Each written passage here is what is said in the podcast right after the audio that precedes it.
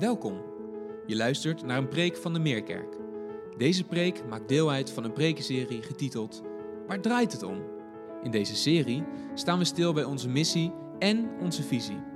Waar draait het om in de kerk? En waar draait het om in ons leven?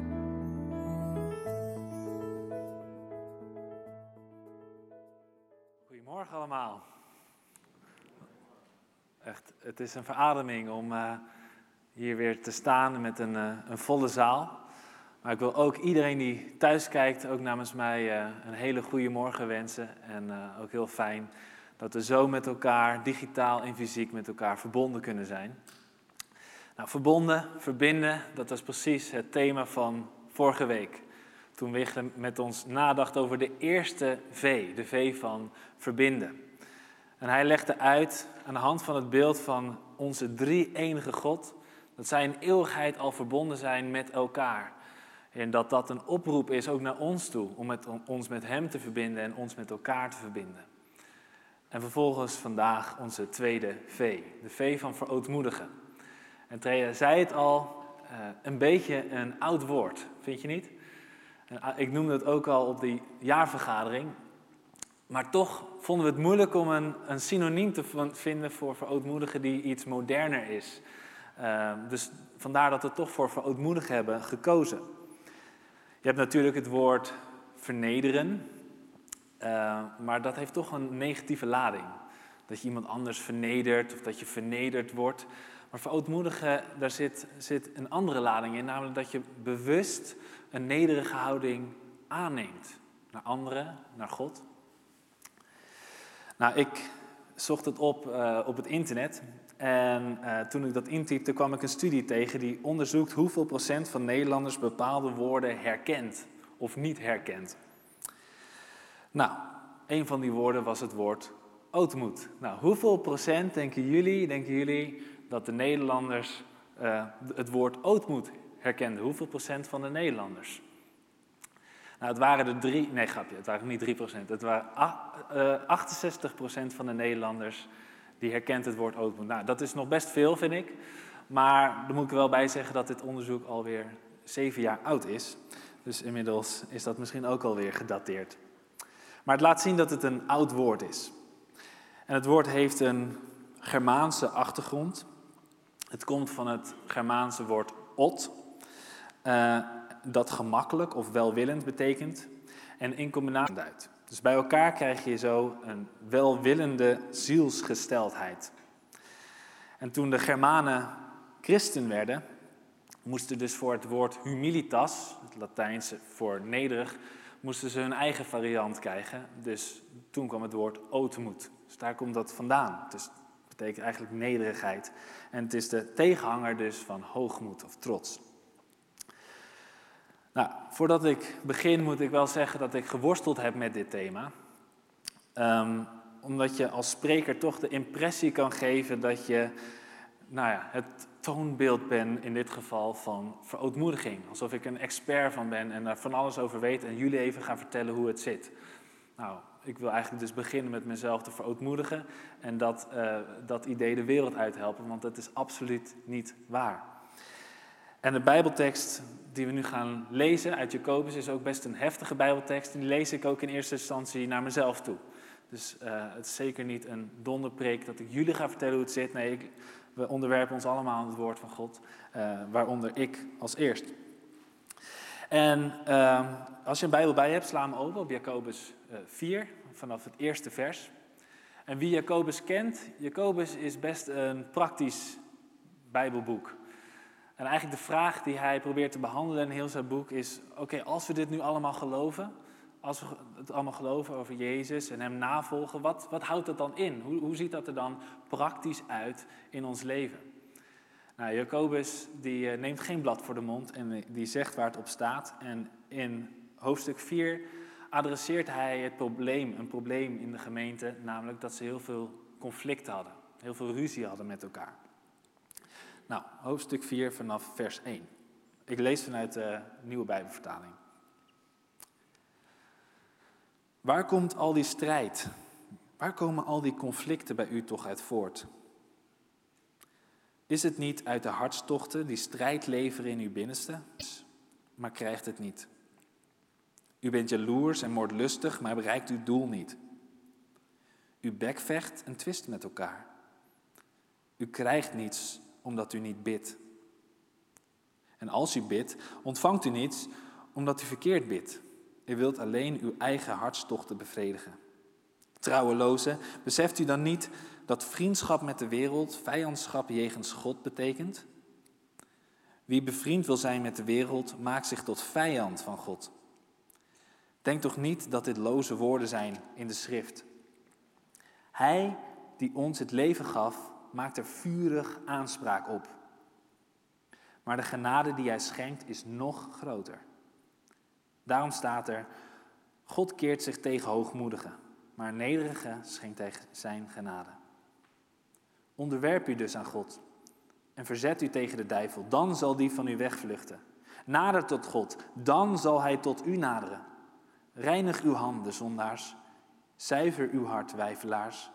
Weeklaag, wees treurig en laat uw tranen vloeien. Laat uw lachen veranderen in droefheid en uw vreugde in somberheid. Verneder u voor de Heer, dan zal Hij u verheffen. Tot daar.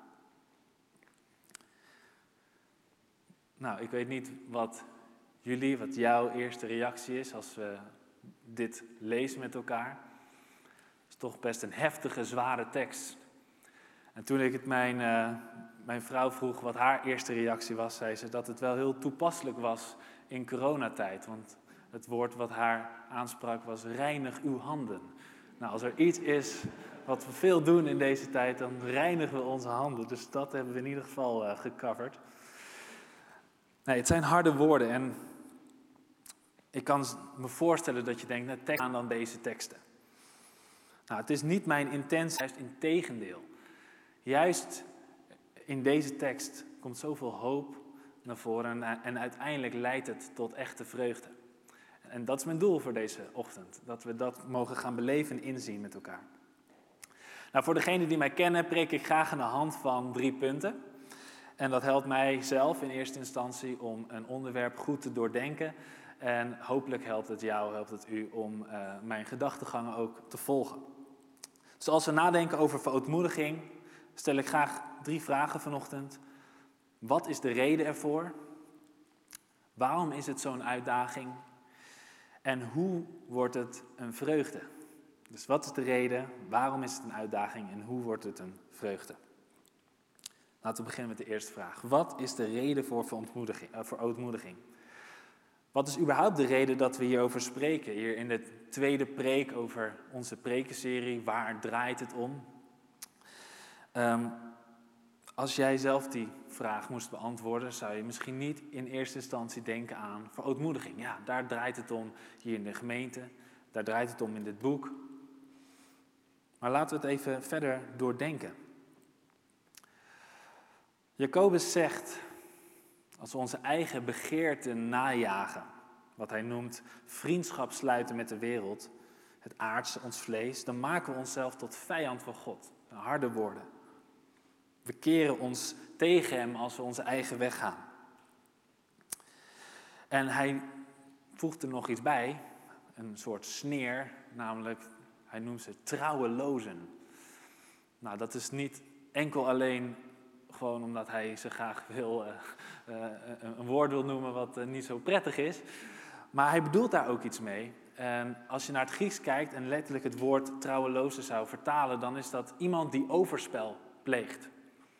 En het woord is niet mannelijk, wat je zou denken, maar het is een vrouwelijk woord. Dus eigenlijk maakt hij hen uit voor overspelige vrouwen. En daarmee namelijk het beeld van een man en een vrouw, van een bruid en een bruidegom. En dat zonde niet alleen zozeer is dat we de regels overtreden, het gaat dieper dan dat.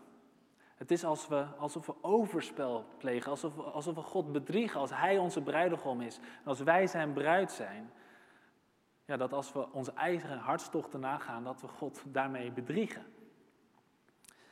En een vers later um, zegt Jacobus ook dat Hij die ons leven gegeven heeft, er vurig aanspraak op doet. Nou, sowieso is dit vers vanuit het Grieks een van de moeilijkste versen uit het Nieuwe Testament om te vertalen.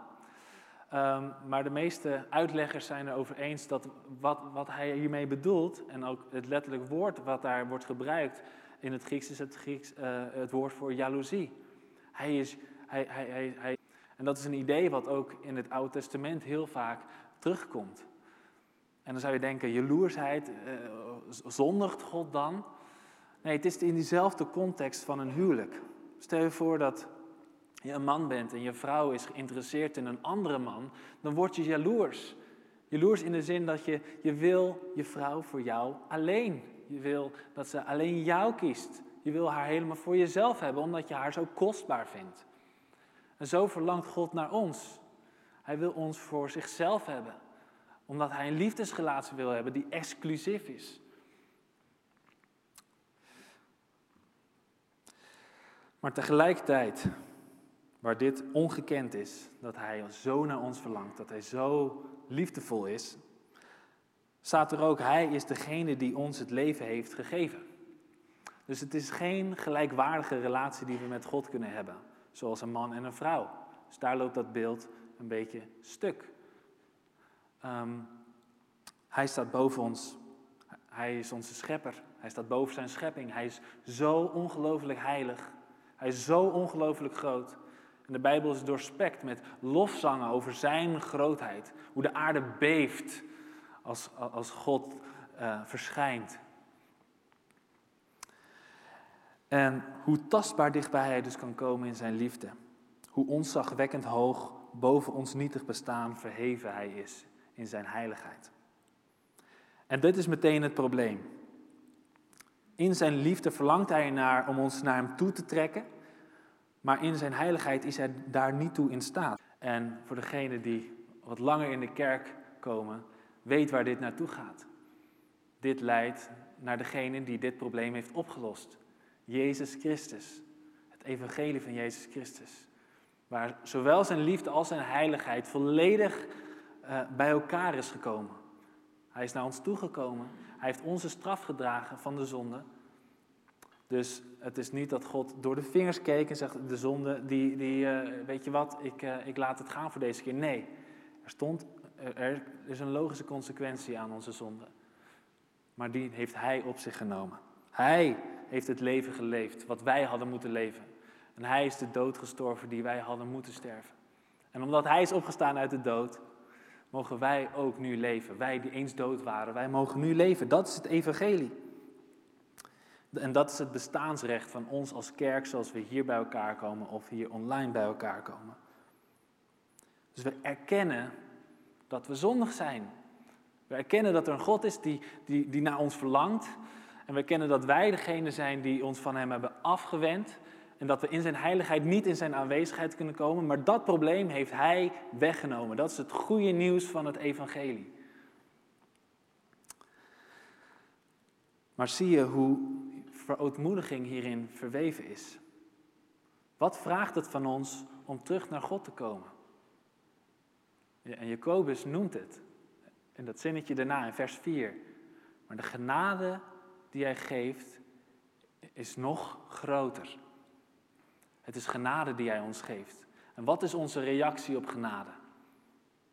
Verootmoediging. Er zijn zoveel gebreken die God in zijn genade ons wil vergeven. Zoveel gebreken, zoveel zonde wil hij ons, wil hij ons uh, vergeven. Maar één ding waar het ons niet aan kan gebreken, en dat is verootmoediging. Want het is verootmoediging wat ons verbindt aan God. Het is een houding dat we zeggen, Heer, het spijt me dat ik mij heb afgewend van u. En we weten dat, wat zijn antwoord dan zal zijn. Dat is een antwoord van genade. En we zeggen, kom maar bij me. Maar er gaat wel verootmoediging vooraf. We kunnen ons dus niet veroorloven om trots te zijn. Dus als dit onderdeel is van de prekenserie waar draait het om, dan durf ik te zeggen dat het draait om Christus. En als we ons willen verbinden met Jezus Christus, dan kan dat niet anders dat we dat in verootmoediging doen. Want Hij komt in zijn genade om ons te redden. Maar de vraag is, wil je gered worden of probeer je je eigen redder te zijn? Dus de reden voor verootmoediging, de eerste vraag, is dat het een voorwaarde eigenlijk is voor onze bekering. De enige, dat we ons bekeren, dat we ons verootmoedigen om terug te keren naar God. En dan komen we op de tweede vraag. Waarom is verootmoediging dan zo'n uitdaging? Nou, dit is een suggestieve vraag, omdat ik niet weet of dit een uitdaging is voor jou. Misschien vind je verootmoediging heel makkelijk. Ik vind het persoonlijk niet heel makkelijk. En we hebben er allemaal in meer of mindere mate last van. Iets wat ons belemmert, namelijk het tegenovergestelde, het tegenovergestelde van nederigheid, namelijk onze hoogmoed, onze trots. Dat maakt het zo'n uitdaging. En Jacobus verwoordt het ook, hè? Hij zegt, God keert zich tegen hoogmoedigen, maar aan nederigen schenkt hij zijn genade. En wat, wat maakt het nou dat het zo moeilijk is om toe te geven dat je trots bent? Zelfs nu, tijdens een preek wat gaat over dit onderwerp, ja, zijn we dan niet heel snel geneigd om te denken, oh het is wel, het is wel goed dat, dat hij eh, deze preek nog een keertje hoort. Want die heeft zo'n last van hoogmoed en die heeft zo'n last van trots. Maar durven we eerlijk in de spiegel te kijken, eerlijk in ons hart te kijken en hoe hoogmoed of trots daarin leeft? Een tegenstrijdigheid is eigenlijk. Om gered te worden van je zelfredzaamheid. Het is onze trots die de reden is dat we ons moeten verootmoedigen, omdat we ervan gered moeten worden. Maar het is diezelfde trots die ons ervan weerhoudt. Zie je de spanning daar? Dat maakt het tot een uitdaging. Alsof we van binnenuit gesaboteerd worden om niet eerlijk in de spiegel te kijken uit angst voor wat we dan zullen zien. C.S. Lewis die verwoordt het mooi in, uh, in zijn boek Onversneden Christendom, Meer Christianity in het, uh, in het Engels. En daar legt hij uit dat trots eigenlijk de ultieme anti-God-houding is. De houding die de duivel uiteindelijk heeft gemaakt tot wie hij is geworden. Dus het verlangen meer en beter te willen zijn dan anderen. En hij zegt, zolang je hoogmoedig bent, kun je God niet kennen. Een hoogmoedig mens kijkt namelijk altijd op dingen en mensen neer. En zolang je, neerkijkt, zolang je neerkijkt, zie je uiteraard niets boven je. En dat is eigenlijk precies wat hoogmoed of trots is. Zolang we neerkijken op andere mensen, op dingen, dan zien we niet degene die boven ons staat. En dat is God, God zelf. Een oude Amerikaanse opwekkingsprediker, Jonathan, Jonathan Edwards uit de, 18e eeuw, die heeft het een en ander over trots opgeschreven, wat ik wel, um, wat ik wel heel inzichtgevend vond. Hij is dus een opwekkingsprediker en hij beschrijft in een van zijn boeken hoe, een, hoe, verschillende, hoe hij heeft meegemaakt dat verschillende opwekkingen in de kiem werden gesmoord vanwege trots. Waar een opwekking juist gekenmerkt wordt door verootmoediging. Dat een hele grote groep mensen zichzelf verootmoedig voor God zeggen: Heer, we willen ons keren van onze eigen hartstochten. We willen het moeten doen. Het spijt ons. Wilt u ons vergeven? Die houding en dat het langzame groepje mensen toch trots werden. En um, nou, in zijn werk beschrijft hij dus een aantal kenmerken van trots. En dus daarmee kenmerk van het tegenovergestelde, van nederigheid. En ik vond het wel uh, bruikbaar, uh, dus ik wil eigenlijk die punten opnoemen. Um, uh, en, en, kijk maar of er iets is waar, wat je misschien bij jezelf herkent. Eén, zegt hij. Dus dit is een samenvatting van wat hij zegt en een vertaling. Trots maakt je meer bewust van de fouten van anderen, waar nederigheid ertoe leidt dat je meer bezig bent met je eigen tekortkomingen. Dat is één. Twee. Trots maakt daardoor dus dat je sneller neerkijkt op andere mensen. Waar nederigheid ertoe leidt dat je met veel genade over andere mensen denkt en spreekt. Drie. Trots zorgt ervoor dat je je meteen afzet van mensen die je bekritiseren. Waar nederigheid ertoe leidt dat je de verbinding met je critici probeert te behouden. 4. Uh, eh, trots maakt dat je halstarrig vasthoudt aan al je eigen overtuigingen, zonder onderscheid te maken tussen wat belangrijk en wat misschien wat minder belangrijk is. Waar nederigheid ertoe leidt dat je flexibeler bent omdat je dat onderscheid wel maakt. Je staat open voor correctie en andere meningen. Andere meningen omdat je niet denkt de waarheid zelf helemaal in pacht te hebben. Vijf, ik heb er zeven in totaal. Trots maakt dat je of aan de ene kant houdt van confrontaties, omdat je houdt ervan om van anderen te winnen, of dat je confrontaties juist uit de weg gaat, omdat je er niet van houdt dat andere mensen je bekritiseren, of dat andere mensen je tegenspreken. Dus dan maar liever niet. Waar nederigheid er juist toe leidt dat je alleen maar de confrontatie aangaat wanneer dat nodig is. Met als doel de ander verder te helpen en niet om van die ander te winnen. Zes. Trots leidt tot gemopper en zelfmedelijden, zegt hij. Omdat je leven dan niet gaat zoals jij het wil, waar je wel de overtuiging hebt dat je dat verdiend hebt, dat het leven gaat zoals jij het wil. Waar nederigheid juist leidt tot een besef dat je zelf niets verdient, maar volledig afhankelijk bent van de genade van God en vertrouwt dat Hij beter weet wat jij nodig hebt dan jezelf. En laatste, trots maak je zelf bewust, waar nederigheid maakt dat je jezelf vergeet. Trots is altijd op je ik gericht en nederigheid op de ander.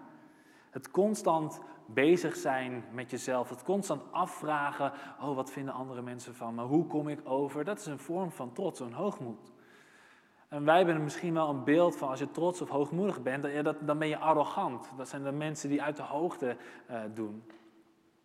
Maar zowel mensen die een laag zelf, zelfbeeld hebben, die zijn ook constant met zichzelf bezig. En dat is ook een vorm van hoogmoed. Ook constant, oh, ben ik wel goed genoeg? Wat vinden andere mensen van me? Hoe kom ik over? Het is eigenlijk alleen maar ik, ik, ik, ik, ik, ik. Dus nederigheid is niet zozeer minder van jezelf denken, een laag zelfbeeld hebben. Nee, nederigheid is minder aan jezelf denken. Dat je het gewoon vergeet. Dat je gewoon bent wie je bent en gericht bent op anderen en gericht bent op God. Daar zit vreugde in. Dat we verlost worden van onze ikgerichtheid. Nou, dat is eigenlijk al een voorsprong op de laatste vraag. Hoe wordt verootmoediging een vreugde? Jezelf vergeten. Dat betekent dus niet kijken naar jezelf, maar dus wel kijken naar iets anders. En dat anders, dat is een persoon en dat is Jezus Christus zelf. Dat je gericht bent op Hem en onder de indruk bent van Hem in plaats van proberen dat andere mensen onder de indruk raken van jou. En dan komen we misschien wel bij dat moeilijke dat je niet blij mag zijn. Of dat je niet vreugdevol mag zijn. Maar dat blijheid een valse blijheid kan zijn. Namelijk als je blij bent en als je vreugdevol bent, terwijl je in je leven, in je doen en laten jezelf afstomt van God. Waar is die blijheid, waar is die vreugde dan op gebaseerd? Dat is eigenlijk de vraag die daaronder ligt. Waarom ben je vreugdevol? Waarom ben je blij? De Bijbel is doorspekt met, met vreugde en blij zijn. Dus ga alsjeblieft niet naar huis of doe alsjeblieft de livestream straks niet uitdenken. Oh, we moeten allemaal droevig worden en we mogen niet blij zijn. Nee, de vraag is waarom zijn we blij? Waarom zijn we vreugdevol? En als dat is omdat we bij God zijn, dan is daar dus verootmoediging aan vooraf gegaan. En als dat is om andere redenen en we eigenlijk in ons leven afgestompt zijn van God, hebben we dan wel reden om echt blij te zijn of echt vreugdevol te zijn? Dat is de vraag. Jezelf vernederen, verootmoedigen, gaat dan ook dieper dan alleen maar dingen weten. Net toen ik het evangelie samenvatte, kan je misschien gedacht hebben, ja, ja, dat horen we heel vaak hier in de kerk en dat, dat weet ik al.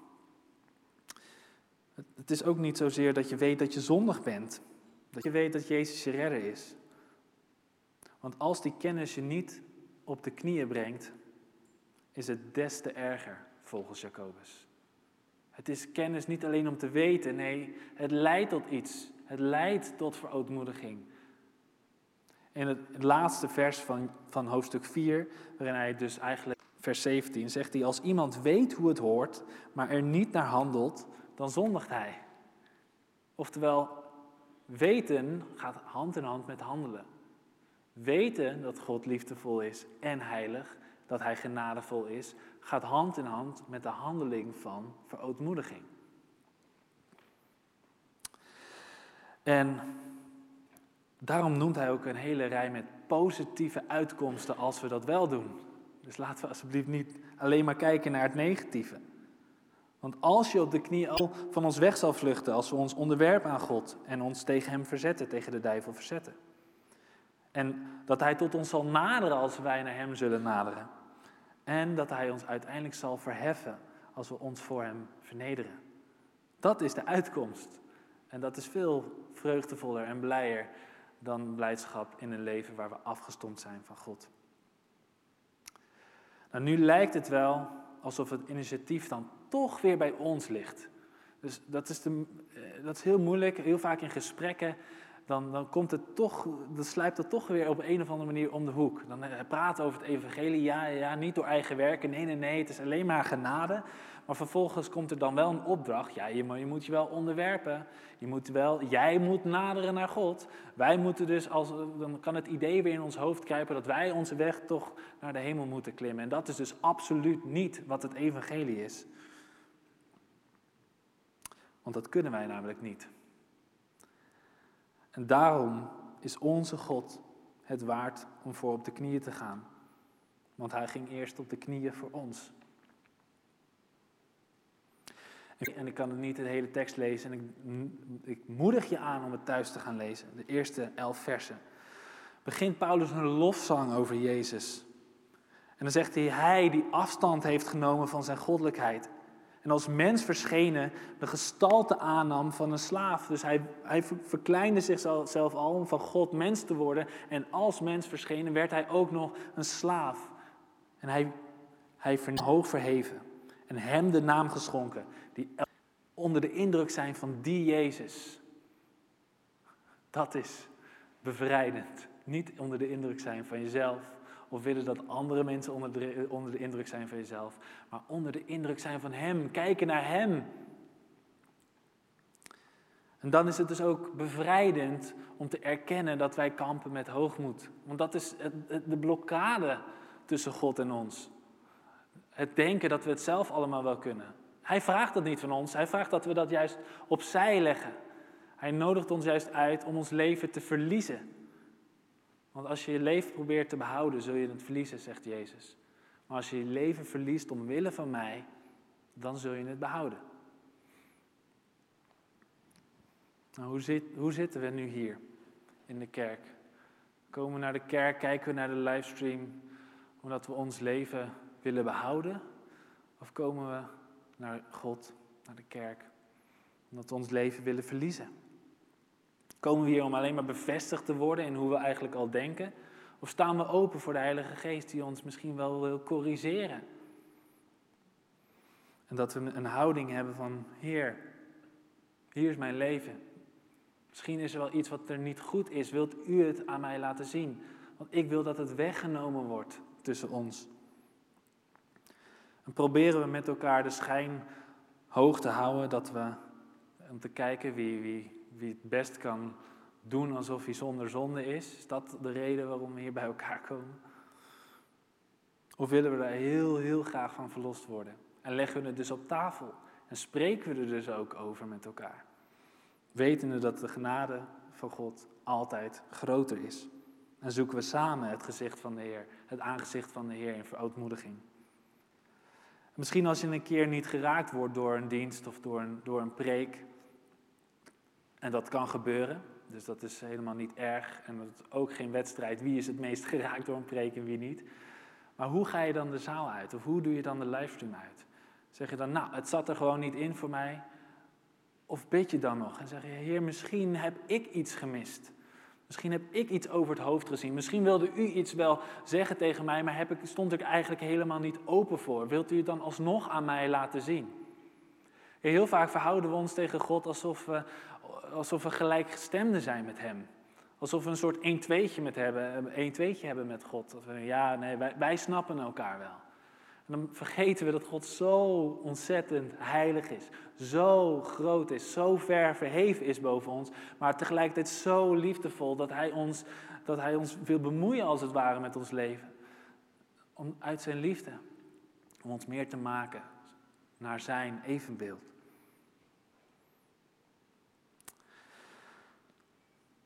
Ik weet niet of het zo is, maar check het bij jezelf. Het is niet aan mij om dat nu te gaan vertellen over jullie. Het is niet aan ons om elkaar te gaan veroordelen, maar onderzoek je hart. Onderzoek welke houding je hebt naar God. En niet alleen vandaag, niet alleen op zondag in de kerk, maar iedere dag. Iedere dag. En het is mijn hoop en, mijn gebed dat we ons steeds meer als gemeente op een juiste manier gaan verhouden tegenover God. Een nederige manier. Maar tegelijkertijd dat we naar Hem kijken en zo onder de indruk zijn van Hem. Dat we onszelf gaan vergeten. Dat we het alleen maar spreken over hoe geweldig Hij is. Zijn glorie en Zijn schoonheid. En dat is een vreugde om jezelf te verootmoedigen als jij minder mag worden en dat Hij meer mag worden. Dat is de vreugde. Dat is de uitdaging, onze hoogmoed werkt uh, de reden voor, voor onze verootmoediging dat verootmoediging de enige manier is om zijn genade te beantwoorden. De uitdaging is onze hoogmoed werkt ons tegen. En de vreugde ervan is wij worden minder, maar hij wordt meer in ons. Zo staat alles op zijn kop in het koninkrijk van God. Wie zijn leven verliest, zal het behouden. En wie zichzelf vernedert, ja, wie zichzelf verootmoedigt, zal door God verheven worden. Laten we bidden.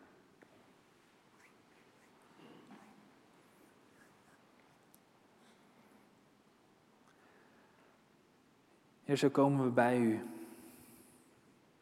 in verootmoediging. Wetende, Heer, dat u zo'n heilige God bent. Heer, en dat u zo verlangt naar ons. En dat we u pijn doen iedere keer als we onze rug naar u toekeren en onze eigen weg willen gaan. Heer, daar willen we vergeving voor vragen. Heer, als we ons verootmoedigen, help ons om niet in de valkuil te vallen. Dat we alleen maar denken dat we een laag zelfbeeld moeten hebben. Dat we minder over onszelf moeten gaan denken. Dat is niet het doel van onze verootmoediging.